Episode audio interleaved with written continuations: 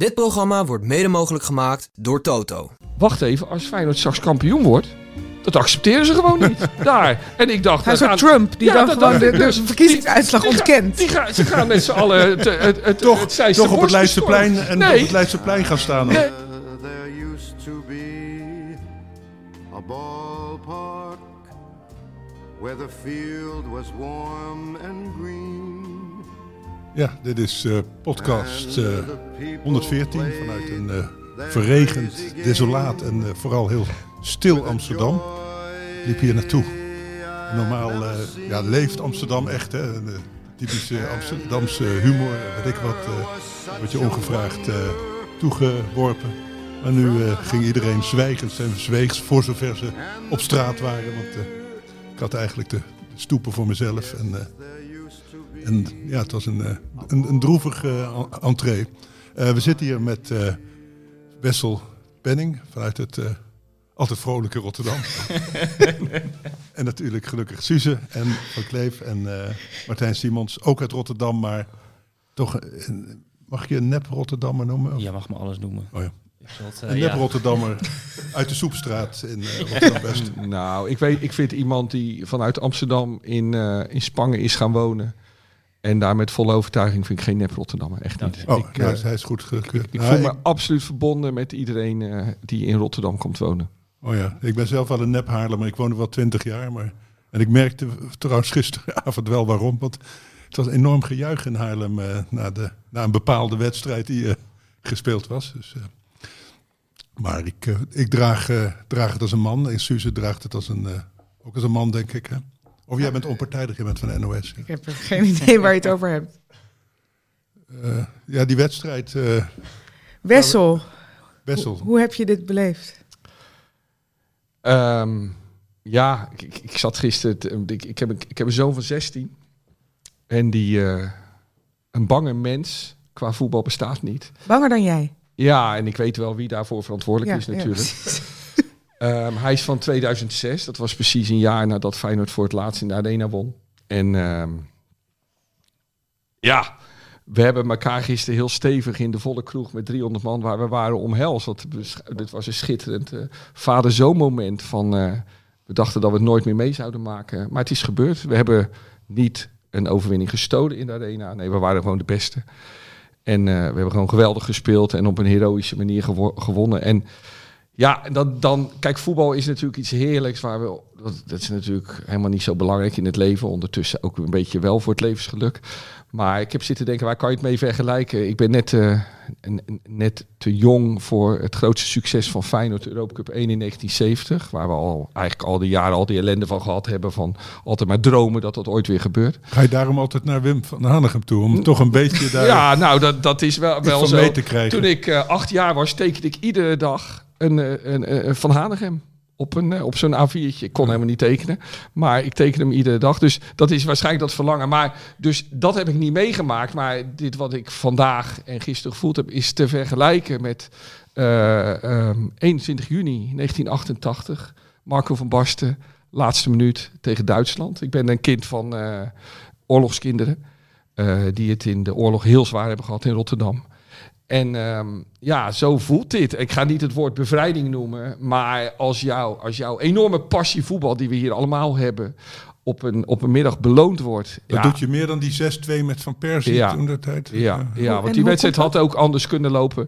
En dit was, eh, ja, hier, hier, hier kregen we wat we verdienden en wat wij als fans, die best veel te veel moeten lijden, geleden hebben, moeten hebben, ook wel verdiend hebben. Dus nu is het klaar. Want nu kunnen we ook gewoon volgend jaar weer winnen in de, in de arena en misschien het jaar daarna of eens een keer niet. Maar eh, dat grote verschil is gevoelsmatig nu even weg. Nou ja, niet alleen gevoelsmatig, Nee. ook getalsmatig, toch? Ja, ja, ja, ja, zeker. Er En, staan zes punten voor, dus dat is... Ja, en, en toch wel de genoegdoening. En dan zal ik me verder een beetje koest houden. Maar, maar ik wil nog één ding kwijt. Kijk, ehm, dat. Ik had hier, hier op weg naartoe belde Van Hanegem. Echt waar, ik verzin het niet. En ik heb hem gevraagd, Willem, hoe was dat nou vroeger? Want als je nou Kruif bent, hè, of Piet Keizer of Ruud Krol... dan heb je wel recht om een grote mond te hebben voor de wedstrijd. En te zeggen dat je de beste bent en dat je gaat winnen en zo. Ik vroeg aan Willem, hadden zij dat nou ook? Nee joh, zei die. Dat, dat, waren heer, geweldige voetballers. Die waren vooral met hun eigen spel bezig. Die maakten zich niet zo druk over Feyenoord of wat dan ook.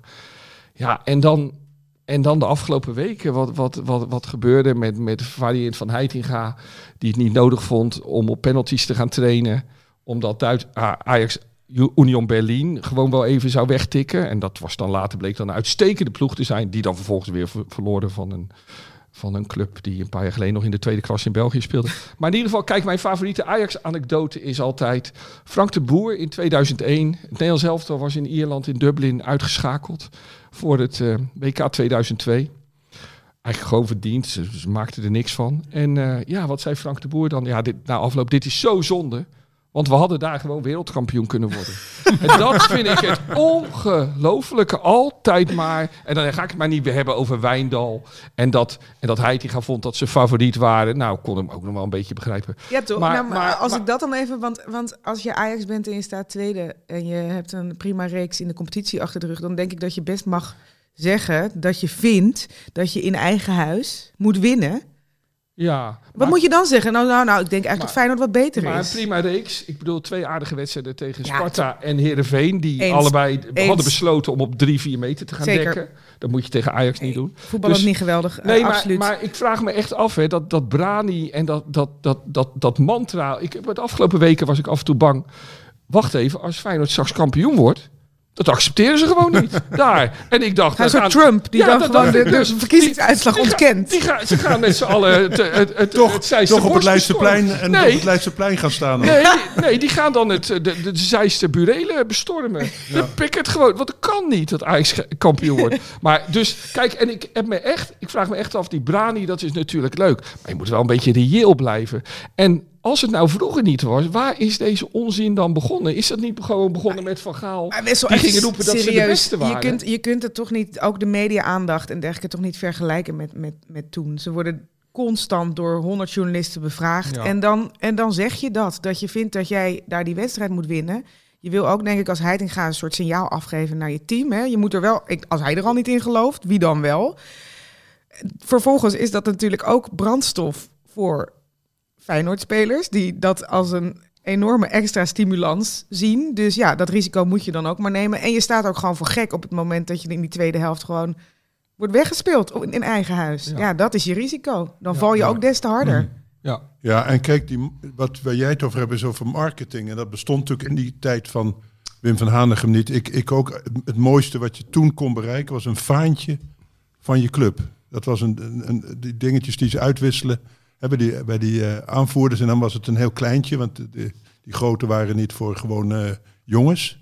En dat spijkerde dan aan de muur en dan hing je dan op. En meer, meer marketing was er niet. En je kon, bij de nieuwe revue had een uitklapposters van elftal foto's. En als je iemand kende die de nieuwe revue las, dan waren wij dan weer de netjes voor. Wij lazen de, de NRC, zou ik maar zeggen. Dus de nieuwe revue, dit, hè, de kappersjournalistiek. maar goed, als je iemand had en dan, en dan deed je dat met punaises aan de muur. En, en meer was het niet. Dus die van Hanegem, die heeft natuurlijk wel makkelijk praten wat dat betreft. Hè, dus die jongens van nu, die zijn onderworpen aan enorm veel eh, promotieactiviteiten. Een club is een merk geworden. Nou ja, Johnny Heitinga, die, die, is- die is toch vanaf zijn zesde ingeprent dat Ajax de beste club ter wereld is. ja. Nee, maar Dan daar kan je heeft- ook gewoon niet meer helpen, denk ik dan. Nee, maar het heeft met marketing te maken. Ze hebben het, godenzoon, het heeft iemand Ja. bedacht, David N, denk ik, vrees ik. Die het best wel sympathiek verder is, maar dat had hij nooit moeten doen. En daar is het eigenlijk mee begonnen. Met dat en, en die hele marketing en, en wij zijn de beste enzovoort. Het Vergaal heeft dat denk ik, die is altijd de beste. Dus dat is niet per se aan Ajax gebonden. Dat deed hij bij Bayern en bij Barcelona ook. En bij het Nederlands elftal werden we ook wereldkampioen. Dus dat weet ik niet of dat zo'n rol heeft gespeeld. Maar ik denk wel dat er een speciale marketing is om Ajax neer te zetten als een van de beste clubs van Europa. Wat ze natuurlijk tot 1995 misschien eh, geweest ko- konden zijn. Maar dat is natuurlijk al lang niet meer zijn. Het is natuurlijk een, een, een middenmotor. Maar moeten ze zich dan niet een beetje opnieuw gaan uitvinden? Want het is wel lang geleden, hè? Maar 95. Als wat, als wat? Als wat moeten ze zich opnieuw uitvinden? Als voetbal- hebben- dat- dat ja, maar ik bedoel, wat is het andere verhaal? Want dit is, ze zitten in deze groef en ze kunnen niet. Maar jongens, zeggen, oh, jongens ze, verliezen, ze verdienen ontzettend veel geld. Het is een, een, een- een- de beste business in het Nederlandse voetbal. Dus dat bepaalt dat ze dit doen. Als ze ineens ga- Feyenoord eh, cultuur zouden gaan overnemen van, oh ja, we weten misschien we twintig jaar een keer kampioen worden, dan vloeit dat geld ook allemaal weg.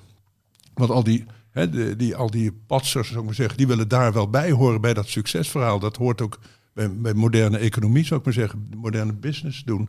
Dat hoort, daar hoort praatjes verkopen bij. Dus ze hebben dat heel goed begrepen. En Feyenoord zit in een instortend stadion en weet ik wat. En een jeugdafdeling die niet meedoet eh, met de moderne tijd. En nu dan weer wel, maar heel lang hè, zijn die amateur gebleven. Terwijl de Ajax in de, in de keukenkampioen-divisie speelt. Dus ze hebben Feyenoord eh, is een club van het sentiment en Ajax is de club van de zaken, van de Zuidas, zou ik maar zeggen. Nou, ik denk dat, dat Ajax net op heel veel vlakken, net, misschien niet op het marketinggebied, maar op heel veel vlakken net zo amateuristisch is als Feyenoord. De- de- Van de Sar doet goed ja, best. nou dat bedoel ik dus. Ik bedoel, dat, dat, dat is de directeur. En, en we weten, nou goed, ik hoef niet, niet iedere keer als ik hier ben alle misstanden op te noemen van de afgelopen tijd. Maar ehm, Ja, maar de winst- en verliesrekening is natuurlijk toch wel eh, altijd... Ja, nu zit ze dat ook te verpesten. Maar Ik ben benieuwd inderdaad, eh, als je in je begroting toch altijd opneemt dat je Champions League speelt. Maar zo kijken we toch niet naar sport? Nee, ik niet. Nee, maar, je, nee, maar het ging Ja, nu om een cultuur. Nee, maar het Ja. ging om cultuur om Ajax heen. En ik vind niet dat je per se die spelers daar zelf aansprakelijk voor moet zet- z- stellen. Want als ik Tadic hoorde, dat is toch Mr. Ajax, toch hoe dan ook. Die doet dat niet. Hè, Die, die gaat toch van, van zichzelf uit, maar die, die loopt nooit een tegenstander eh, te, te denigreren. Hè, dus, eh, Maar ik zou beginnen met, dat doet hij dan misschien ook wel, ook wel eens niet volgens mij, met respect voor de tegenstander. Dat vind ik eigenlijk wel best wel iets moois van sport. Dat je accepteert dat de tegenstander soms, soms beter is. Dat heb ik waarschijnlijk me, me, me vanzelf meer moeten oefenen, in moeten oefenen dan, dan, dan jullie. Maar Maar er is ook een verschil tussen voor en na de wedstrijd. Wat Berghuis na de Ja. wedstrijd in het interview zei, gefeliciteerd. Meer, meerdere interviews waarin hij Ja, eigenlijk ja. vooral had over Feyenoord die hij de credits gaf en die gewoon beter waren. Ja, maar, maar ga dan. Je zoekt ook een beetje, hè? Nee, nee, dit is makkelijk vinden, toch? Ik Ja, hoef niet te zoeken. waar, ja. Nee, maar ik bedoel, ja, dat, tuurlijk, dat waren dan de laatste woorden van het interview van Berghuis. Ja. Maar tijdens de wedstrijd, kijk, ik heb in mijn leven best wel heel vaak een corner voor, ge- eh, voorgegeven die erin wordt gekopt. Toen ging ik niet op maar in mijn eentje heel erg juichen en het embleem van mijn team vastpakken, wat Berghuis gisteren deed. Ik heb ook in mijn leven eerlijk gezegd, op een ander, veel lager niveau, een, een vrije bal kunnen pasen eh, zonder druk van de tegenstander met de linksbuiten die al diep ging met een ruimte van 30 meter erachter die aankwam, ben ik ook niet in mijn eentje gaan vieren. En dat deed hij gisteren wel. Dus het zag er toch wel erg opgewonden en opgefokt uit. En het was niet de domineeszoon van na de wedstrijd eh, Feyenoord-Ajax ehm, in Rotterdam. En nu heb ik genoeg gebest hoor. ja, Maar ik denk dat het er ook opgewonden uitzag, omdat Ja. hij... eh, opgewonden was. ja, nou ja, omdat je gewoon ook misschien wel denkt, we gaan hier gewoon verliezen. En we gaan hier het kampioenschap verliezen. Dan denk ik dat je best opgewonden kan worden. Ik dacht echt dat, dat die wedstrijd gewoon- de eerste helft echt naar Ajax ging. Hoor. Wat ik En het leukste juichen Ja. vond was van Gertruida. ja, Die geweldig. helemaal in zijn eentje ging juichen. En Ik was Die het. werd vergeten. dacht ja. dat er een hele sliert achteraan kwam. Nee, maar die waren iemand anders aan het... eh, maar jongens, dat is toch een geweldig verhaal. Dat is een jongen die nooit in de media komt, omdat hij stottert. Een enorme held aan het worden. Steeds beter wordt. Eh, op een paar honderd meter van de Kuip vandaan komt. Ongetwijfeld, ik durf die zo het cliché erin te gooien, uit, uit een gezin dat het niet breed heeft gehad. En het kan ook niet anders dat hij dadelijk rechtsback in het Nederlands elftal staat. Want hij is echt in vorm. Ja, en omdat en eh, Dumfries de- niet. nee, maar die is ook geschorst, Geschorst. geloof ik. Dus is. Maar dat is, ja, Ja. Dat, dat, dat is ook wel een mooi eh, Rotterdamse randje aan het verhaal, vind ik. Van een stad vol mensen die niet heel veel kansen hebben. En dan heb je daar opeens, heb je eerst Malasia, de Antilliaanse gemeenschap. En dan komt daar Geertruida. Twee van die namen ook. Maar die ook een beetje met horten en je, Niet, niet als, een komeet naar de Nee. top is geknald. Want hij, het is zijn vierde jaar geloof ja, ik eh, zeker. in het ja. eerste. En nu maar- gewoon, ja, daar eh, heel goed speelt. Steeds Ja. beter wordt. Ook aan de bal steeds beter wordt. Bijtekent eh, deze week. En uitverkiezing voor het Nederlands elftal. En vervolgens de winnende. Maar Ja. ik- Ja, het is toch... nee, Malasia en Geertruida, hè, twee slavennamen. Ja. Echt, eh, eh, ja, ik, ik zie die. Kijk, ik zoek er natuurlijk alle mooie symboliek bij die er is. Maar die is wel reden toe. Hmm. Met een supertrainer natuurlijk. Want hij, dat is natuurlijk de beste speler van Nieuwe trainer allemaal. van Ajax, toch? Ja, ja. Dacht ik. Hij heeft al Ja. geoefend met Wij, kleine eh, Ajax. wij kregen eh, bericht uit Frankrijk. dat is leuk. Ja, Dus, ja, Ja. daar is hij al. hoe gaat het? Ja, ja. Nou, hoe gaat het met jou, Henk? Nou, met mij gaat het goed. Ik wist alleen niet precies of ik moest bellen of dat Pelle ging bellen. Dus eh, ik was even in de war. Maar dat hebben jullie niet We gemerkt. hebben niks gemerkt. En je bent Nee. er dus. Pel heeft ook geen En gekke signalen jullie- afgegeven. Nee, hebben jullie het er al over gehad dat eh, Geert Truida zijn eh, teamgenoten ervan probeerde te overtuigen dat hij die goal had gemaakt? Ja, dat hebben we gedaan nadat Wessel eh, zijn eh, ongenoegen heeft eh, moeten uiten over eh, Berghuis die eh, overdreven juichte toen hij die eh, corner gaf op eh, Alvarez. Oh ja? Ja, dat vond Oh, dat vond ik juist wel mooi. Zo van, eh, ik Ah, eh, dat- legde hem lekker neer bij de tweede paal en eh, ze hadden me niet in de pijlen. ja. Vond het vooral slecht verdedigd door Henk. Geen verdienste van Ajax, eh, zegt eh, Wessel. Nee, Nee, natuurlijk niet. Ik, ik vind wat over verdedigd. ik vind het overdreven om bij een corner zo te gaan staan juichen, ook gezien de voorgeschiedenis. Maar het is wel zo goed terecht natuurlijk. Ik vond Dus, dat die Gertruiden bij die 3-2 trouwens ook slecht verdedigd werd. Maar dan. Ja, zeker. Maar dat is wel natuurlijk wel moeilijk met een doorkopbal. eh, bij de eerste paal als die lukt, mag natuurlijk helemaal niet lukken op zich. Nee. Maar als dat lukt, dan is het wel moeilijk verdedigen ook. Dan moet je toevallig iemand Ja, maar het is denk ik geen toeval dat Ajax eh, die tegengoal weer krijgt. Uit een standaard situatie, uit een hoekschop. Maar heeft Ajax Ja, nou verloren omdat ze zelf slecht waren of omdat Feyenoord zo goed was, Henk? Wat denk jij? Ik denk dat eh, Feyenoord heel goed was. Eh, en ik denk ook dat eh, Ajax op een paar plekken gewoon spelers opstelt die dit niveau totaal niet aankunnen. Ja. Namen, rugnummers? Nou, Wijndal bijvoorbeeld, eh, Taylor. Ik, ik snap totaal niet waarom Taylor ook nu weer door Koeman wordt geselecteerd voor het Nederlands elftal. Ja. Wat, heeft hij daar, wat heeft hij daar te doen? Ik bedoel, Wiever is echt twee klassen beter. Hij Had het de eerste helft wel een beetje moeilijk, Henk, vond ik. Maar Wiever is ook eh, geselecteerd, hè? Ja, maar Nee, ja, de- Wiever is geselecteerd, maar ik begrijp niet waarom ze Taylor eh, dan selecteren. nee, dan kun je beter En, Klaasie eh, of Eiting eh, selecteren. dan zitten we weer bij de ajax ergens onder in de, in de Eredivisie. Nee, maar het is wel. Ik bedoel, Maar, eh, Taylor eh, heeft toch de afgelopen tijd niet gepresteerd. Nee. Hè? Dus die Nee. hoeft Klaasie. Nou, Klaasie vind ik echt een goed seizoen draaien. Gaf gisteren ook weer even een paas bu- buitenkant voet eh, naar de linkerkant eh, op het doelpunt van eh Carlson. Ja. Maar ja, je moet bij Koeman denk ik een complete middenvelder zijn. Maar eh, dan zie ik liever Veerman eh, voetballen. Ja, die gisteren niet zo Ja. goed. was, Nee, gisteren niet. Maar Nee. goed, eh, het draait wel een beter seizoen dan Taylor. Hey, en ehm, ja, Bessie hebben jullie natuurlijk al behandeld. Nee, nog Nou niet. ja, Dus nee. daar mag jij eventjes eh, wat over zeggen, Henk. Oh, nou, ik wou zeggen, ik wou het woord deerniswekkend gebruiken. Ehm, maar wat eh, eh, Feyenoord heel goed deed, was om hem gewoon elke keer de bal te geven. En eh, zie maar wat je ermee kan. En nou, ik kon er niks mee. Eh, maar na afloop ze- zeggen zij, Heitinga, dat vond ik ook merkwaardig. Ja, dan moet een ander de paas gaan geven. En dat hadden ze dus van tevoren afgesproken. Maar die ander was in geen velden of wegen te bekennen. En dat was volgens mij Taylor. Waarvan ze dan eh, de zogenaamde inspeelpaas verwachten. Eh, verder vond ik het zielig voor Bessie. Eh, toen hij eh, na een tijdje linksback kwam te staan, stond Ajax ook meteen veel beter. Gek genoeg. Hoewel linksback niet zijn plek is. Maar eh, ja, Feyenoord was echt gewoon beter. Daar, daar kun je niks op afdingen. Alleen ik had ehm, zeg maar zaterdag geschreven dat Feyenoord favoriet was. Dus ik begreep totaal niet waarom eh eh, eh, Kukçu zo raar deed na afloop en voor de wedstrijd. Want jij denkt dat jouw woorden ongeveer evenveel gewicht hebben als die van Heitinga. je wel tegen elkaar ik denk dat wegstrepen. Kuk- Kukçu moet gewoon mijn column lezen. Want Ja. ik had Feyenoord tot, tot fa- favoriet bestempeld. Dat was tactiek, En, Henk. dat was tactiek van je. Tactiek mijn neus. Feyenoord was gewoon de gedoodverfde favoriet. En dan gaat Kukçu niet eens Makkeli een hand geven. En dan gaat hij Tadic geen hand geven. Wat is dit voor puberaal gedrag, man? Terwijl het zo'n ontzettend volwassen voetballer is. Ja, en dat, En nou- we, en nou- ja, en dat we nu spreken met, met de man die hem al jaren steunt. Dat, eh, Zeker weten. En dat, dat, ik voel me nu ook een beetje verraden door.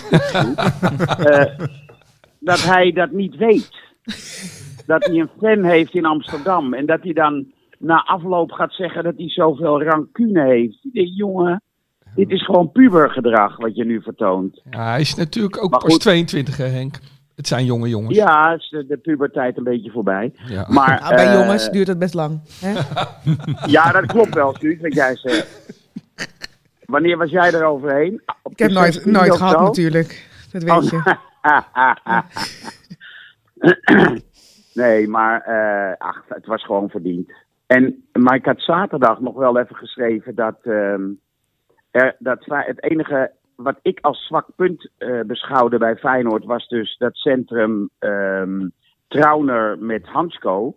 En dat dat een muurtje was waar je doorheen zou kunnen glippen. Laat Tadic nou wel mijn column lezen. En gewoon door dat muurtje heen is geglipt. voor, die, voor dat doelpunt. Want eh, ik vind dat geen, eh, geen echt, echte succescombinatie, eerlijk gezegd. Dat was het natuurlijk wel. Maar je, eh, Trauner is natuurlijk lang geblesseerd geweest. En Ja, eh 30 voorbij. Dat was, is allemaal nog net wat roestiger dan voorheen. Maar zijn, Ja. zijn, zijn kwaliteit zit vooral... eh, als hij echt één tegen één komt... is hij best kwetsbaar. Maar in het duel, in het directe duel op, op een afvallende bal... is hij heel goed. En hij is gewoon heel goed in de opbouw. Hij durft de paas te geven. Ja. Gewoon het soort... Hij is geen puber meer. Hij is volwassen, een volwassen man die de juiste paas durft te geven. Daar zit zijn kwaliteit in. Maar Hansko Geertruida is denk ik... eh, ja, van een beter, Beter. niveau. Maar mag ik toch wat aardig zeggen over Bessie? Want ehm, dat, dit is niet omdat ik nu een slachtoffer dat op de grond ligt wil helpen. Ehm, ik geloof echt, ja goed, of je er 25 miljoen voor moet betalen is even de vraag natuurlijk. Maar ik vind dat gewoon een robuuste verdediger. ehm, die het eh, volgens mij eh, bij Feyenoord uitstekend zou doen. Maar dan moet je hem wel op zijn, op, op, op zijn kwaliteiten gebruiken. En, en dus niet te Ja. vaak aan de bal laten komen. Maar ik geloof ook dat hij, Nee. dat ze hem te veel hebben gezegd. Je moet dit doen en je moet dat doen. En dat hij nu zulke rare Ja. dingen gaat doen. Want dat ene moment, jongens, wat er gebeurt, Ja. dat zie je zelden. En dat, dat weet hij je- over zijn been Dat hij met zijn standbeeld been die bal wegtikt en dat- vervolgens over zijn eigen Ja, schopbeen. dat hebben wij zelf ook allemaal één keer in onze carrière meegemaakt. Maar niet als je, als je prof... Dit, is, dit was iets ongelooflijks gewoon. En dan dat hoongelach dat je dan vervolgens op die tribune zit. Ja, dat, dat heeft hij natuurlijk ook niet mee, hè, die mensen die daar zitten. Ja, lesje, lesje in, in verliezen en je spelers steunen. Ja, Bessie, Ja, want veel ik vind van het ook, mens. dat is ook inderdaad, dan, dan, dan klatert dat eh fluiten, uitfluiten van de tribunes op het moment dat hij iets misdoet. En dan denk ik, ja, ik- daar wordt hij niet beter van. Nee. Je bent daar toch ook om de ploeg omhoog te helpen. En het is een doodgoede Ja. jongen. ja, dat nou zie ja, hij had een heel, uitstraling. heel lief interview gegeven aan Ja. de NOS eh, eh, vrijdag, geloof ik. waarin hij zei dat hij, eh, ja, dat hij beter moest en beter wilde. En heel erg open stond voor ehm, eh, dat mensen hem beter gingen maken. En dat zijn techniek beter moest worden. En dat hij zei ook van, nou, eh, ik weet dat dat misschien een taboe is in het voetbal. Maar ik stel me wel kwetsbaar op. Ik weet dat er nog een hoop te leren is en dat wil ik ook. Dus nou, dan, dat is gewoon een ideale prof. Dan denk ik niet dat je moet worden Ja. uitgefloten. Het is niet jouw schuld dat je wordt opgesteld en dat je 25 miljoen kost. Dat zei hij toch ook? Nee, en... en Dat zei hij ook, geloof ik, ja. Ja, Martijn? Ja, dat zei hij liet geloof ik ook. Dat liet- Sorry Henk, ga verder. Nee, dat zei hij dat hij dat niet kon helpen. Ja, natuurlijk. En, eh, maar goed, ze lieten hem zwemmen. Ah, Feyenoord had bedacht, we laten hem opbouwen. En er was echt niemand die bij hem de bal kwam halen. Om een paas eh, naar het middenveld eh, te versturen. Want Henk, dat is toch iets waar je dan, dan als Heitinga ook van tevoren over nadenkt. Wat doet Slot? Nou, Slot doet iets, denk ik, een logische keuze. Je laat eh, de bal bij Bessie, hè, da- daar zorg je voor. Je zet de rest vast, je laat Bessie in balbezit komen. Dan moet Heitinga daar Ja. toch ook van tevoren al een tegenzet voor hebben. Ja, natuurlijk. Maar Heitinga zei dat de bedoeling was dat eh, Taylor die paas dan zou eh, gaan geven. Maar hij loste ook helemaal niks op, eh Heitinga. Wat Slot goed deed was om die, eh, die jongen eruit te halen. Eh, over wie eh, nu een tijdje niet meer... Ja, eh, en gelukkig zullen we nu een tijdje niet meer over hem horen dat hij zo verschrikkelijk in het Nederlands elftal hoort. Want dat hoort hij natuurlijk helemaal niet. Nog niet. Maar Slot was, zo, Slot was zo slim om die gast eruit te halen. Maar Heitinga heeft niets gedaan om dat probleem daar met eh Bessie aan de bal op te lossen. Nee. Echt niks. Nee. dus eh, ja. Nou ja, kijk. eh, het, het, het geheel is een... Ajax is het product van een beleid, hè. En eh, dat beleid is niet florissant geweest het laatste half jaar. Begon al met die trainer die, die niet kon trainen en die eh, alle punten eigenlijk verloren heeft. Die, die Johnny Heitinga nu moet inhalen. Maar Henk, is het ook niet zo dat het gewoon op het veld beslist wordt? Als je in Duitsland bijvoorbeeld kijkt, Bayern staat nu ook achter Dortmund. En volgens eh, ja, eh, beleid enzovoort zou Bayern ook fluitend eh, de Bundesliga winnen. Dus het, en Arsenal staat ook voor al die uh, Het is toch, ja, maar het is toch geen toeval. Ajax verliest een hoop spelers, doet het nu echt niet goed. Feyenoord verliest een hoop spelers en doet het hartstikke goed. Daar zit toch beleid Ja. en scouting en training achter. Kijk, Ja, we, we, we hangen nu alles op aan slot. Ehm, ik, ik hou best wel mijn hart vast hoor voor de toekomst, omdat er nog geen technisch directeur is bij Feyenoord. Maar er is bij Feyenoord echt wel heel veel veranderd op het trainingscomplex. Er zit een enorme medische staf achter. Eh, met een heel team. De, de professionalisering van Feyenoord is. Dat klinkt net als Nee. vroeger hadden, hadden ze geen eh, sportarts. Nou, nee, Moesten nee, maar- Een fysio? Nee, maar wat Hadden dan. ze een, eh, nee, een maar, noodverband in de nee, maar de luister, eh, Dick Advocaat en Cor Pot vonden het maar niks wat er allemaal gebeurde op dat trainingscomplex. Al die vernieuwing. Die was vonden het te modern allemaal. Tuurlijk, Ja, tuurlijk. lekker. Allemaal niet en nodig. computers ook niet, hè? Ja, nee, allemaal niet nodig. Data. En, eh, Cor Pot zei dan ook, hè, dat was toen op, op die documentaire die ervan is geweest, die, die zei dan eh, eh, tegen een van die fysiotherapeuten, niet zo gaan praten waar de dik bij is hoor, want die pikt dat niet. Dus, maar er wordt heel erg, kijk, de Feyenoord heeft een heel fit elftal, hè. Dus ik bedoel, dat, Ja. dat, dat is gewoon knap. Dus dat is wel wat er veranderd is. Dus er is zeker sprake van beleid. En je ziet toch bij Ajax ook op het moment dat, dat Overmars weg is gegaan, is per direct de daling toch ingezet. Kijk naar de. Ik zag, Danielle had gisteren een, een lijstje getwitterd van de twaalf aankopen van Ajax dit jaar. Die waren, er waren allemaal miskopen. Ongelooflijk. Ja. Van Grealish tot, eh, nou ja, Roelie kan je ook nog twijfelen of dat nou, of die nou beter was. dan- Luca, Conceição, Bessie. Voldoet Ja. allemaal niet. Nee, nee. Nee. Wijndal. En de grasmat, eh, wat we, we zijn bij het hoofdstuk Pokon aanbeland, heel onverwacht. Het, eh, je weet maar nooit, je slaat de bladzijde om ineens. eh, zit je op een grasveld. Ja, Henk, hoe is jouw gras ik- eh, in... in eh, Nou, ik moet je eerlijk zeggen, het is natuurlijk wel relatief warm eh, geweest hier. Maar het Pokon strooien heeft eh, verbijsterende resultaten opgeleverd. Ik, moet- ja, ik moet zo'n beetje al gaan maaien, weet je, half maart. Dus dat is niet goed. Zo, eh, nee, er, er zit er veel stikstof ja, in dat dan. is juist heel... Stikstof? Dat bestaat niet in oh, nee, oh, Frankrijk. nee. Jij zit goed met je emissierechten. Waar, ze- waar, ze- Ja, Frans probeert er een politieke dat- podcast van te maken. ja, ja, ja, ik hoor het. Maar is het zo dat groeiend gras voor stikstof zorgt dan?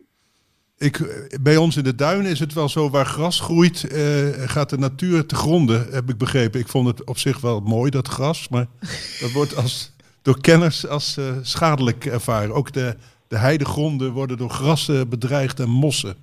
Ik weet niet, heb je mossen? Oh, jezus. maar Pokon helpt het in eh, ieder partij... geval... Pokon helpt Ja. enorm om, eh, om dat gras tot bloei te brengen. Om het te laten groeien en om het groen te laten zijn. Dus het mooie van gras is als het echt diep groen is. Beetje dat kuipgras. Ehm, Wessel, denk je dat ze in de kuip Pokon gebruiken of juist in de arena? Nou, ik denk dat er twee redenen zijn voor de, de wederopstanding van Feyenoord. En dan eerste heb je Arne Slot. En, te- en de Ja. tweede wil ik hierbij de directie van Pokon bedanken voor deze succesjaren. Hoe is het maaibeleid in de Kuip eigenlijk? Kun je daar iets over zeggen? Ja, dat is mooi, hè? Ik kom er iedere week eh, op vrijdagmorgen voor een podcast met Van Hanegem. En, en iedere keer ja, wordt er dus aan dat gras gewerkt. En ja, ik weet niet hoe het met jullie is. Willekeurig welk stadion ook, ook als het leeg is. Ik kan in ieder stadion gaan zitten en naar gras kijken.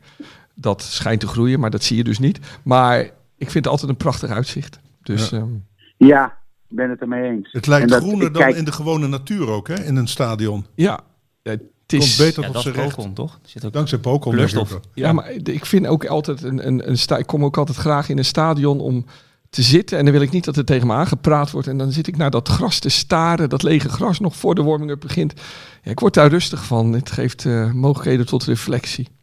En die kan ik af en toe goed Ja. gebruiken. Dus. Wessel, ik eh, eh, ga je voordat ik afscheid neem heel erg feliciteren met deze overwinning. En met de landstitel, of Ik niet? zou, en met de landstitel, ik zou zeggen, vergooi het nou niet.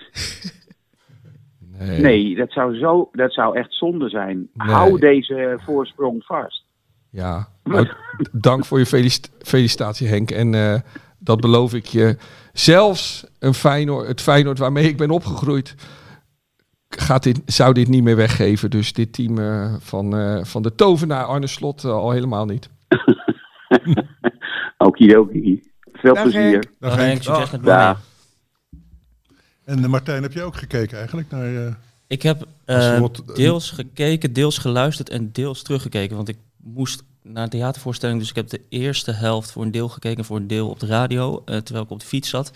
Toen ging ik de voorstelling in. Ehm, toen kwam ik eruit, toen stond het nog 2-2. eh, en ik zat in het foyer van de Schouwburg en kwam echt net naar buiten. Toen ineens gigantisch gejuich losbarstte van allemaal mensen die... Ja, dat bleek achteraf best wel met veel mensen om een heel klein rond tafeltje ergens naar zaten te turen. In de Schouwburg Eh, nog. Ja, ja, ja. Eh, in de Schouwburg, in het café van de Schouwburg in Rotterdam. We hebben één schouwburg dus- in Rotterdam. dat weet ik. en die hadden de zaal verlaten om die wedstrijd. Ja, ik ja, ik denk het. Want, eh, ze kwamen niet uit onze zaal in ieder geval. Ehm, en eh, 3-2, wij naar buiten. En ehm, het was echt, ik zei, het, van, ik zei het eerder al eventjes, alsof er een heel groot internationale prijs naar eh, Nederland was gegaan. Ja. Het was echt ongelooflijk. Ik had natuurlijk, ja, ik woonde pas een paar jaar. Ik had nog, en anders had ik het waarschijnlijk ook niet meegemaakt. Maar het was echt iets bijzonders, ja. En Martijn, hoe- jij woont nu drie jaar in Rotterdam, hè? En eh, zoals ik al zei, welkom en hartstikke mooi. Dat je, nee, heel mooi dat je, dat je, dat je bij ons bent komen. gedurfd, ja. Nee, dat je bij ons bent komen wonen. Maar hoe kijk je nou naar al die aandoenlijk blije Rotterdammers, die enorme trots die er in die stad Nou, is? eh, ik, begrijp het, eh, ik begrijp het Feyenoord-sentiment gewoon wat beter nu. Ja, dat is... Ik heb toch wel iets meer... ehm, ja, hoe moet je dat nou zeggen? Eh, empathie voor de Feyenoorder En waar zit dat dan in? Waarom begrijp je het meer? Jij dacht dat, eh, dat ik hier met een kaal hoofd en tato's zou zitten of zo. Nee, nee, Of nee, ik bedoel... ehm, ik, snap dat, ik snap waar jullie vandaan komen. Dat is het meer. Ja, Ja. Mooi Ehm, dus ik begrijp ook hoe, eh, waard, hoeveel waard het is. ja. Nou, Nee. En als je die beelden zag ook, hè, van eh, de aankomst eh, terug in Rotterdam. Ik zag, ik zag allemaal shots van echt van ver weg bij het Ja. stadion. En het Ja. was gewoon één rode gloed van vuurwerk en gejuich. En Ja. het was echt... Maar ook die beelden buiten die kroeg, daar moest ik ook om lachen. Dus gewoon op een plein stonden mensen ja. helemaal... Was het de kroeg waar jij in zat? Of niet? Nou, ik zat in een, eh, in, ik dacht dat ik in een, ik ging naar Feyenoord AZ eerder dit jaar. AZ Feyenoord ging ik kijken in een café en toen zaten we met 30 mensen aan een tafeltje. En, ehm, maar nu zat die, waren alle tafels en stoelen opzij geschoven en zaten we met 400 man in dat café ehm, die wedstrijd te kijken. En, eh, ja, Kon je dat- nog wat zien? Springen ze dan niet de hele tijd voor het beeld? Of, eh? Ja, maar dat, dat we echt goed kijken lukt niet. Nee. Maar je, wilt, je wil ook vooral onder gelijkgestemden zijn om die wedstrijd te doorstaan. Want geloof me, ik was doodsbang van tevoren. Ik durf nu wel te zeggen. Ik heb van tevoren wat meer bravoure getoond dan, dan de werkelijk in me zat. Slik jij ook eh, medicijnen dan voor zo'n wedstrijd? Nee, nee, maar, maar eh, het is niet goed voor me. Nee. Dat geloof ik wel. Maar toen ben ik daarna, en nu gaan jullie lachen, dus mensen, klinkt zo gelach. Toen ben ik daarna naar de, de aankomst van de spelersbus gegaan. eh, en naar het, eh, het complex 1908. Mooie naam, hè? oprichtingsdatum. En dat ligt dus, kijk, die Kuip is een beetje een eiland op zich hè, in die stad op Zuid. Maar 1908 ligt echt midden in Rotterdam-Zuid. En echt het Rotterdam-Zuid, waar, waar heel veel jonge mensen wonen, maar ook heel veel oudere mensen van 70, 80, die de oorlog hebben meegemaakt. En toevallig om dat complex staan allemaal van die bejaardenwoningen van, van vier, vijf hoog. En al die mensen stonden daar ehm, op de balkons te kijken. ehm, en, en, en toen dacht ik, ja, ja, dit zijn de mensen zoals mijn ouders, die, die, die ik heb overigens die, die Feyenoord totaal niet met de paplepel meegekregen, maar dit zijn wel de mensen als mijn ouders die de, die de Tweede Wereldoorlog hebben meegemaakt en, en opgegroeid zijn met een trots voor Feyenoord. 1970 is natuurlijk heel belang geweest, belangrijk geweest voor, de, voor het gevoel van Rotterdam. Maar dat, dat, dat wat, ehm, wat jullie net, zeggen, eh, hoe blij die Rotterdammers, dat heeft echt te maken gewoon met een stad die geknakt is, ooit, maar nooit gebroken. En, en dat is echt wel een, een, een sentiment van, van trots eh, over ehm, ehm, ehm, we zijn er nog. En dat is geen marketinggelul, dit is geen clichépraatje, dit is echt zo. Wij zijn er nog. En hoe verklaar je dan Sparta en Excelsior en dat soort clubs die er ook zijn? Nou ja, dat vind ik prachtige clubs. En, eh, Ehm, Martijn vertelde in de vorige podcast dat hij, eh, dat hij zich wel een beetje Spartaan voelt. Ja, dat heb ik dus eigenlijk ook wel.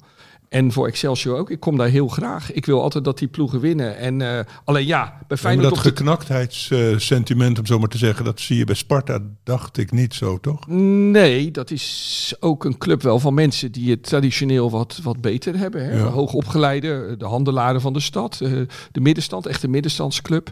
Maar wel een hele mooie club met wat nettere mensen op de tribune dan bij Feyenoord. Dat, dat is gewoon zo.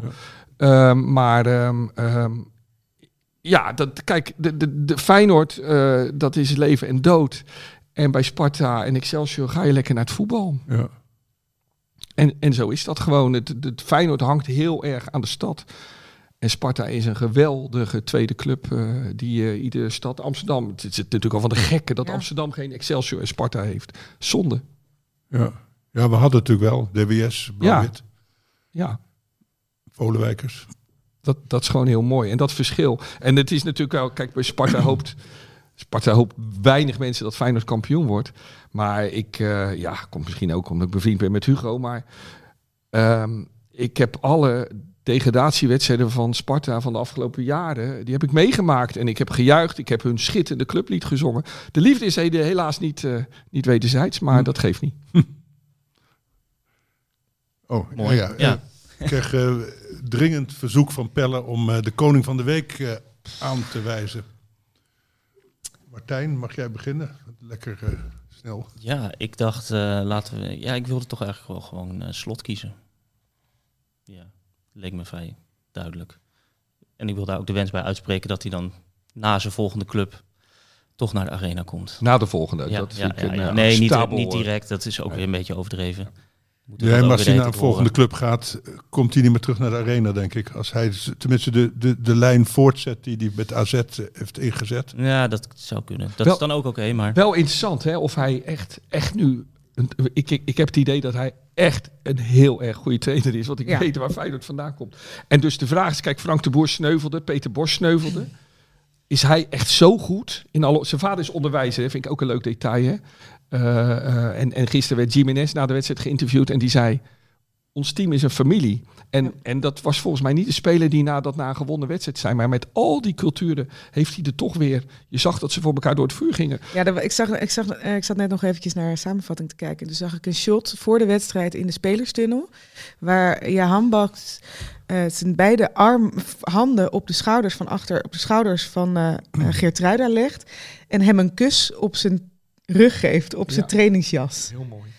En dat vond ik zo ontroerend. Ja, dus de, de, de vraag is dus, is die echt de, de, de- dus van een enorm goed? Want vaak sneuvelen Nederlandse trainers dan over de grens. Maar ik heb bij hem het idee, net als bij Ten Hag, die dan communicatief veel minder is, tactisch denk ik eh, eh, ongeveer even goed. Mhm.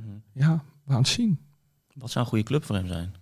Dat vind ik echt een moeilijke vraag. Ja, nou, niet Leeds United. Dat Nee. moet je gewoon niet gaan doen. Nee, maar ja, je ziet nu dat hij staat er nu natuurlijk na, eh, dat was denk ik een maand geleden. Hij staat er nu nog veel beter op. Hè? Dus eh, de- de- de- de- er is nu ook wel weer een stapje gemaakt, denk ik, in zijn imago. Ik denk tot een Hotspur. Ja. Onderpreste- Onderpresterende club. Conte Ja. die heeft daar eh, zichzelf, eh, denk ik, ontslagen. Ja. Afgelopen vrijdag met die rant van eh Ah, veel vier zal minuten. afhangen wat ze nu tegen AS Roma gaan doen. Hè? Tegen de special one. Ja, Dat wordt natuurlijk wel heel interessant. Hè? Daar, daar heeft hij al een keer ruzie Ja. mee. ja. Ja, maar je moet niet vergeten dat in het buitenland wordt Ajax echt ook wel beschouwd als de grote club in Nederland die eigenlijk altijd kampioen wordt. Wordt zeker, ik bedoel, ik heb zelf in Engeland ge- gewoond in die periode, maar ook nu wordt er nog steeds gesproken over dat Champions League seizoen, et cetera. En als je dus als trainer van Feyenoord op zo'n manier, nou ik denk dus kampioen gaat worden, boven Ajax gaat eindigen, dan sta je er echt internationaal echt heel goed op. Ja. Slot de koning van de week voor jou? Ja, Zeker. dat kan. En anders eh, eh, ga ik voor Geertruida. Niet omdat hij de winnende maakt, maar om het eh, eigenlijk eh, het verhaal eigenlijk van het hele seizoen. Ik vond het ook mooi dat hij eh, aanvoerder werd toen eh Kukçu geschorst was. Iemand die niet eh, de eerste aanvoerder is, als in die zou je meteen aanvoerder maken. Hè? Niet het mannetje is die iedereen de hele tijd op zijn plek wijst en die het als een gek staat te schreeuwen. Maar iemand die heel eh, stil eh, uitgroeit tot steunpilaar en eh, geboren en getogen op Zuid, heet dat geloof ik, hè? Ja. Echte ambassadeur voor heel veel mensen, denk ik. Ja. ja. En jij Wessel? Nou, eh, kijk Frans, ik vind jou, je bent chef dood. Mhm. Ga je doden eh, komen? Nee, Oh. maar je bent ook chef Duit, Oh, Duitsland, Duits. vind ik. En ehm, ja, Ja, maar de Totes en Meister uit, uit Duitsland, hè? Zo, ja, ja. Vanuit een beroemde versregel uit de Duitse eh, literatuur oké. van eh, Paul Celan. Oké. Ehm, maar ehm, ja, er was gisteren iemand met een Duitse naam die een heel cruciale redding had. En die had zo'n schitterende naam. Wel een Reuter.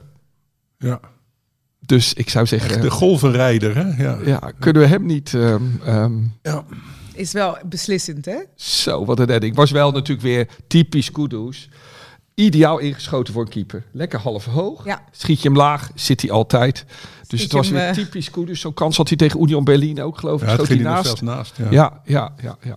Maar goed, ik vond wel een Reuter. Maar de andere twee suggesties vind ik even mooi. En ik besef dat ik van dit moment moet genieten. Hè? Dat dit, eh, al die Feyenoorders Bij die genoemd ook, worden. eh, ja. dat, eh, Ja. maar ik heb me hier altijd... eh, eh, ik, ik vind altijd dat ik hier erg in mijn waarde word gelaten. Sowieso. Ja, nou ja, dan noem ik. Wat, waar ik het meest van genoten bij Feyenoord was dat begin, dat, dat doelpunt dat zo snel viel. Met dat geweldige hakje van Idrissi. En, en, die, en die loopactie van eh Jiménez, Jiménez. Ja, dat vond ik wel.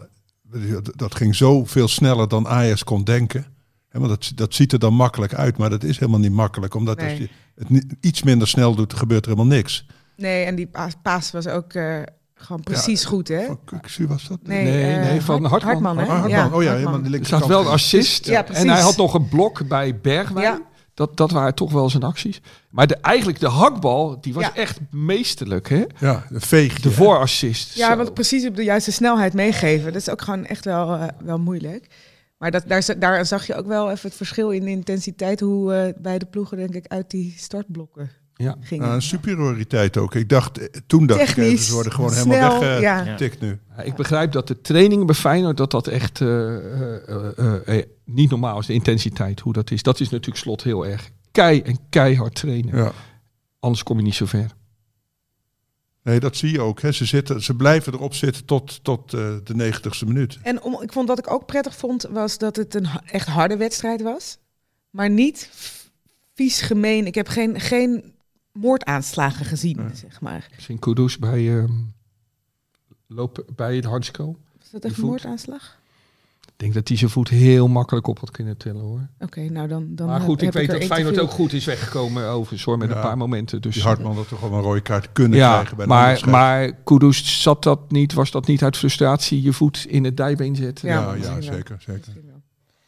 Hey, ik, eh, ik moet de koning van de week beslissen. Ja. De- Wat, eh, wat mij betreft dus Geertruida. Mooi. Ja. Want eh, ik ben er al een hele seizoen een fan van. Ook toen hij centraal speelde al. Ik vond het ook balen dat hij niet meeging naar de WK. Vond ik echt een gemiste kans van Van Gaal. Want eh, het was ook echt zo'n speler voor Van Gaal. hè. Zo'n jongen die eh, alles wil leren en goed zijn best doet. Dus bij deze, Ja, ja een brave jongen. Ja. een brave jongen. Maar die ook voor het team speelt, niet voor zichzelf. Nee, van, Ik hoop dat hij het een keer aandurft om eh, een interview te gaan geven. Ja. Maar het is ook wel mooi, stel dat die jongen nou zijn hele carrière... Ja, zijn mond houdt al. Ja, het geven. is dat ook is toch ook schitterend. Want Nee, hij ja. laat echt, het is een enorm verhaal. cliché, maar Ja. alleen de, de, degene die het als eerste gezegd heeft, maar hij doet het dus echt. Hij laat zijn voeten spreken. Ja, geen woorden maar daden. En waarom moeten alle voetballers niet gewoon hun voeten laten spreken? Misschien moet Ja. Telen daar ook eens mee beginnen. jongens, nou, trouwens. Nee, ja. maar alle, Wijndal. en Laat, eh, laat al die verschillen bestaan in het voetbal. Want ook die grote bekken zijn toch leuk. Als Ja. je aan Slatan Ibrahimovic Ja. denkt of zo.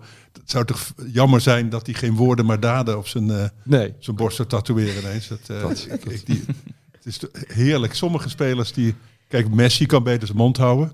Maar Ja. Ronaldo is toch ook weer heerlijk. The man you love to hate. Die Ja. grote bek. Nee, het hoort, figuren die je moet het, hoort, hebben, ja. het hoort erbij. Wat dat betreft, Wiever, die werd, dus, werd ook gevraagd: heb je je erg geërgerd aan Ajax? Ja, aan, aan wat er gezegd wordt. Oh, Ja. daar ben ik helemaal niet, niet mee bezig. Hij had gezegd: ja, Orkoen had het erover. Nou, ik zit daar niet zo mee. Mooi. Ja, vind ik ook mooi. Twentse nuchterheid. Ja. Ja. En die komt dan weer uit hetzelfde dorp Als slot. als die gekke weghorst. Oh. Dus dat oh is ja. dan ook weer geen pijl op te trekken. Dus, dus je hebt in, in, in, in, diep in Twente heb je dus mensen als Weghorst, maar ook mensen als Wiever. Heel verwarrend. Dus ehm, ja, Ja.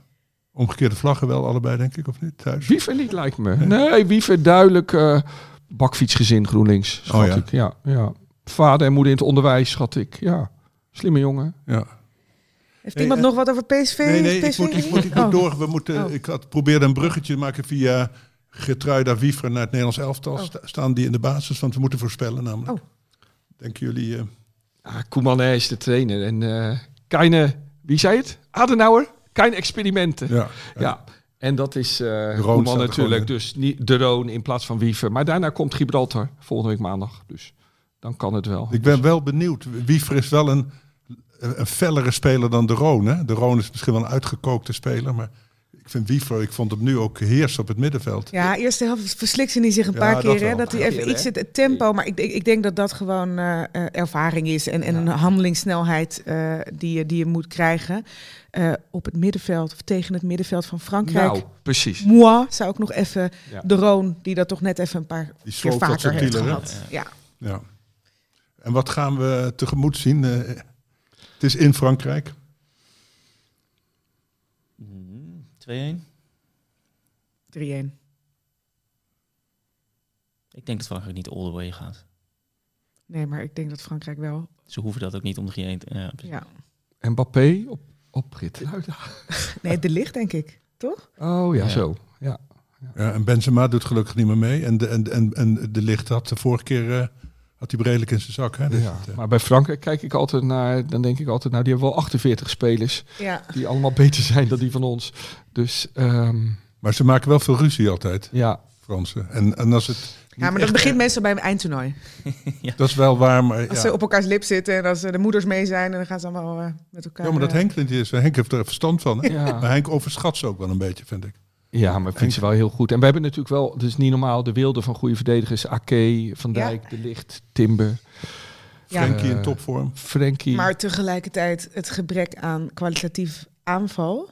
niet. Hè, we, hebben- Nee. Volgens mij zijn er, maar, zijn er ook maar vijf geselecteerd. Dat is toch ook iets wat je eigenlijk niet gewend bent van Nederland. Dat Nee. je, Nee. Maar ja, Gakpo draait niet Ja. heel onaardig. Nee. En, en, en Memphis weet je nooit natuurlijk. Hè? Ja. Maar zouden Gakpo en Memphis spelen bij Frankrijk? Geen van nee, beide. Nee, nee. Eh, ja, ik, Nee, ik, vrees dat we niet gaan scoren daar. Dus dat het eh, eh, t- 2-0 wordt. Ja.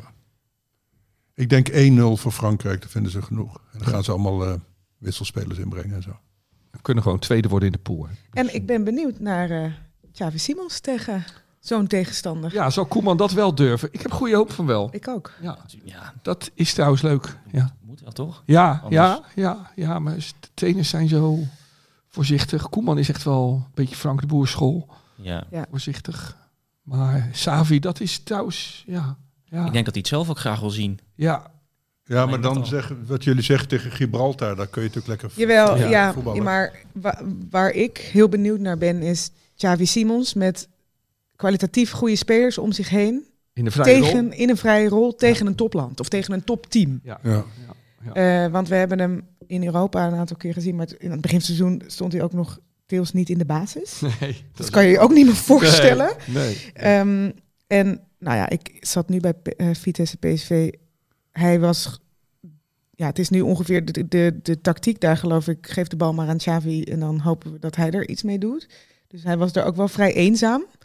En dat is hij denk ik bij het Nederlands elftal een stuk minder. En daarom ben ik benieuwd naar hoe die dan, hoe die dan speelt. Of hij ook die versnelling heeft, of hij dat wegdraaien, of hij dat allemaal voor Nou ja, elkaar krijgt tegen de wereldtop. Met het probleem Memphis, hè, die altijd de bal wil, ook op plekken waar hij meteen verliest. En dat is als aanvaller ook heel vervelend om met hem, met Memphis te moeten spelen. Omdat Memphis, die, hè, die haalt de bal op, in de as op, op het middenveld. Ja, maar verspeelt Xavi hem heeft weer. echt heel veel gevoel voor ruimte ook. Kijk, het, het zou kunnen dat Koeman Wijnaldum, eh, want daar is hij natuurlijk fan van, Ja. gelijk opstelt. En. Dat, dat hij gaat spelen met een blok Wijnaldum, ehm Frenkie en, eh, en de Roon. Die Ja. drie. En dat dan Savi een soort vrije rol krijgt. Ja, het, het wordt een beetje... Als die Ja, beetje, maar dan speelt hij altijd met eh Wijnaldum vlakbij Memphis. Hè. Dan wordt, Ja. wordt, Mem, ja, maar dat wordt een soort tandem dan. maar die dat lijkt me nu meer de plek voor Simons, toch? Ja, Ja, of je zet hem hangend op, eh, op rechts. Dat, kan, ook gewoon. Dat kan ook tegenwoordig, ja. Ja, en dan, eh, Ja. heb je dat ook En opgelost. dan ondervang je het aanvallersprobleem eigenlijk. En dan, Ja. dan zou je kunnen spelen met, Simon, met ehm, Simons, eh, Depay en, en eh, eh, Gakpo op links. Gakpo. Ja. We hebben dit hierbij even opgelost. En Ja. al, dan wel hopen dat er naar ons wel geluisterd wordt. Ja, maar eh, kijk, in plaats als, van als naar de columns van Henk. constant in de bal komt, dan gaat eh, Simons gaat gewoon zwerven. Ja. Hij, hij kan daar echt wel goed mee. Vind ik, wat mij opvalt, is dat hij echt goed ruimte maakt ook voor anderen. En dat ook geen probleem vond. Ik vond, vond een, een moment gisteren ook tekenend dat zij, eh, PSV echt veel ruimte had in een, in een aanval. Overtalsituatie bijna. En, en dat de Jong had de bal. Ja. En Simons die trekt een sprint aan de linkerkant. Staat ook vrij. Gaat, trekt twee tegenstanders mee. Je denkt eigenlijk, de jongen spelen hem op Simons. Want ik denk altijd, geeft Simons de bal. Maar hij, geeft, hij krijgt zoveel ruimte, eh die jong, voor een schot. Omdat Simons dus die loopactie maakt. Ja. En op het moment dat de jong hem naschiet, zegt Simons ook nog even, goed gedaan. Ja. Niet Ja. zeiken dat je die bal niet krijgt. Ja. Hij geeft hem gewoon een schouderklopje van volgende keer maak je hem wel of iets dergelijks. Dan denk ik, ja, dat is gewoon echt top. ja, Simons, onze hoop. Ja, en, eh, en achterin is natuurlijk duidelijk met Ake, eh, Van Dijk en eh, De licht, De Licht en, en Geertruida dus. denk ik ook. Oh, en Sillis op doel? Ja, Ja. kan niet anders. Lijkt me niet, toch? Nee. Nou, we zijn eruit. Ja, Ja. we kunnen beginnen. Denk je dat ze in Frankrijk eh, daarmee bezig zijn met de opstelling van Nederland? Die ene jongen die nooit interviews geeft, die schijnt te gaan Ja, spelen. daar zijn heel bang voor misschien. Ja. Ja. Ja, we... Oh ja, één vraag nog voor de afronden. Het spitsprobleem. We hebben dus geen echte spits. Hè? Dus ja, tenzij je Memphis zo wilt zien. Er werd ook hebben, er hebben er twee afgezegd. eh, om eh, onduidelijke redenen. Omdat ze te, te hard moesten werken, geloof ik. Nou, Jansen om persoonlijke, Persoonlijke redenen, redenen. en de steeds voller wordende Ja, voetbalkalender. geeft iedereen natuurlijk. Dan zou er geen interlands meer zijn. Hè? Dat is ook een beetje onzin. Vind ik. Voor Als je bij Antwerpen voetbalt. Ehm, Dat je, heb je het zo druk ook weer niet, toch? Nee. nee, ja, misschien is, dat, is het vooral persoonlijke redenen en, en trekt hij dit er nog bij. Nou, in de aanloop vanuit WK mocht Ja. hij ook een stukje trainingskamp missen in verband met zijn bruiloft. Dus ja, misschien eh, is hij gewoon de eerste voetballer die wat nadrukkelijker voor zijn relatie Ja. kiest. Het is sowieso een atyp- atypische Ja. jongen, denk ik, wat Ja. dat betreft. Maar dus we hebben eigenlijk geen spits meer. Ik, nou vind ik ze geen van beide. Dat ik denk heel, eh, dat ik er heel verdrietig over ben. Nou, bij die jong denk ik wel, eh, die zou je er toch het laatste kwartier bij een achterstand toch wel in willen brengen. Ja. Ja, Dat vind ik wel een hij verlies is, hoor. wel, hij is niet meer. Hij is nu helemaal niet goed meer, toch? Als we Nee. eerlijk nou ja, zijn. hij is nu En hij zit achter Weghorst nu natuurlijk. Oh ja, Weghorst vergeten we nog helemaal in Ja, maar ja, de, de, de niet scorende spits die al 18 Ja, Als ik moet kiezen tussen Weghorst en Simons op 10, Ja. Ja. Nee. Nee, en hebben ze Brobby nu meegenomen? Dat vind- hoe vinden ze dat in Rotterdam? Nou, nee, nee, maar wacht even. heel hard gaan lachen. Wacht even. Eh, b- b- de- ik, ik, ik heb toch wel heel veel stemmen gehoord dat we allemaal blij zijn dat, dat Bobby niet gewoon vanaf het begin bij Ajax speelt dan tegen Feyenoord. Ja. Toch veel meer dreiging. Eh ja, Tadic, dat is natuurlijk inspelen, balletje afleggen. En daar heeft hij daardoor veel al assists door dat afleggen van En ballen. een Maar, mooie goal. maar de echte, de, de, de, de, de echte dreiging ontbrak natuurlijk bij Ajax. Ajax was ook de eerste helft gisteren een stuk beter. Maar veel kansen, die zijn er niet. En ik, ja, Robbie is toch wel een hele complete spits. En misschien wel de toekomstige spits van het Nederlands elftal. Oh, maar dan moet dat? het wel de komende jaren een keer gaan gebeuren. Ja, precies. Dit antwoord had ik niet zo verwacht. Nee, want ik Ja. ben zelf een beetje... Jij moest Het erom duurt een lachen. beetje lang, hè? Voordat Ja. het eh, eruit komt. Ja. Nee, want er werd zelfs... De, de naam Dallinga viel op een gegeven moment, hè? Ja. Excelsior spits. Nou ja, Dallinga is natuurlijk een gevalletje wiever. Ja. Ja. Ja, ook Excelsior, hè? Feyenoord heeft ook Dallinga overwogen en het toch maar niet gedaan. Nou, uiteindelijk hebben ze dan Jiménez gehaald, dus dat hebben ze wel, wel goed gedaan. Maar Wiever is natuurlijk een soort Dallinga. Eh, die, die moesten allebei nog hard wegrennen voor de ADO-supporters. eh, toen Excelsior zich eh, eh, promoveerde. Ja. Ehm, het kan snel gaan. Maar Dallinga, ja, Nee, tuurlijk niet. nee. Nou ja, als je het goed doet op het hoogste niveau in Frankrijk, dan eh, Ja. denk ik dat je Ja. goed, goed In bezig de bent hoor. middenmoot in Frankrijk, ja. Ja, nou ja, wel, toch, ja. ja. ja. Ja, als je Vincent Jansen mee zou Ja, ja, nemen, dan zou dat het... is het, dat, eh, ja, maar het is, Nee, maar als we het hebben over gewoon eh, wekelijks ergens eh, presteren op een niveau, dan denk ik dat je middenmoot Frankrijk best hoog kan inschalen. Ja. Ja. Vergeleken met. Ja. Nou, de, we dromen nog wat door over eh, Dallinga en eh, onze luisteraars eh, alleen. Tot de volgende week. Yes, there used to be a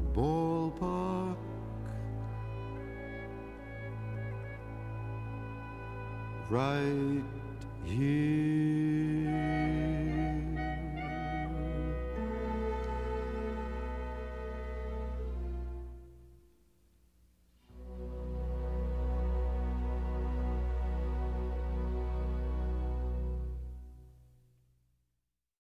Dit programma werd mede mogelijk gemaakt door Toto.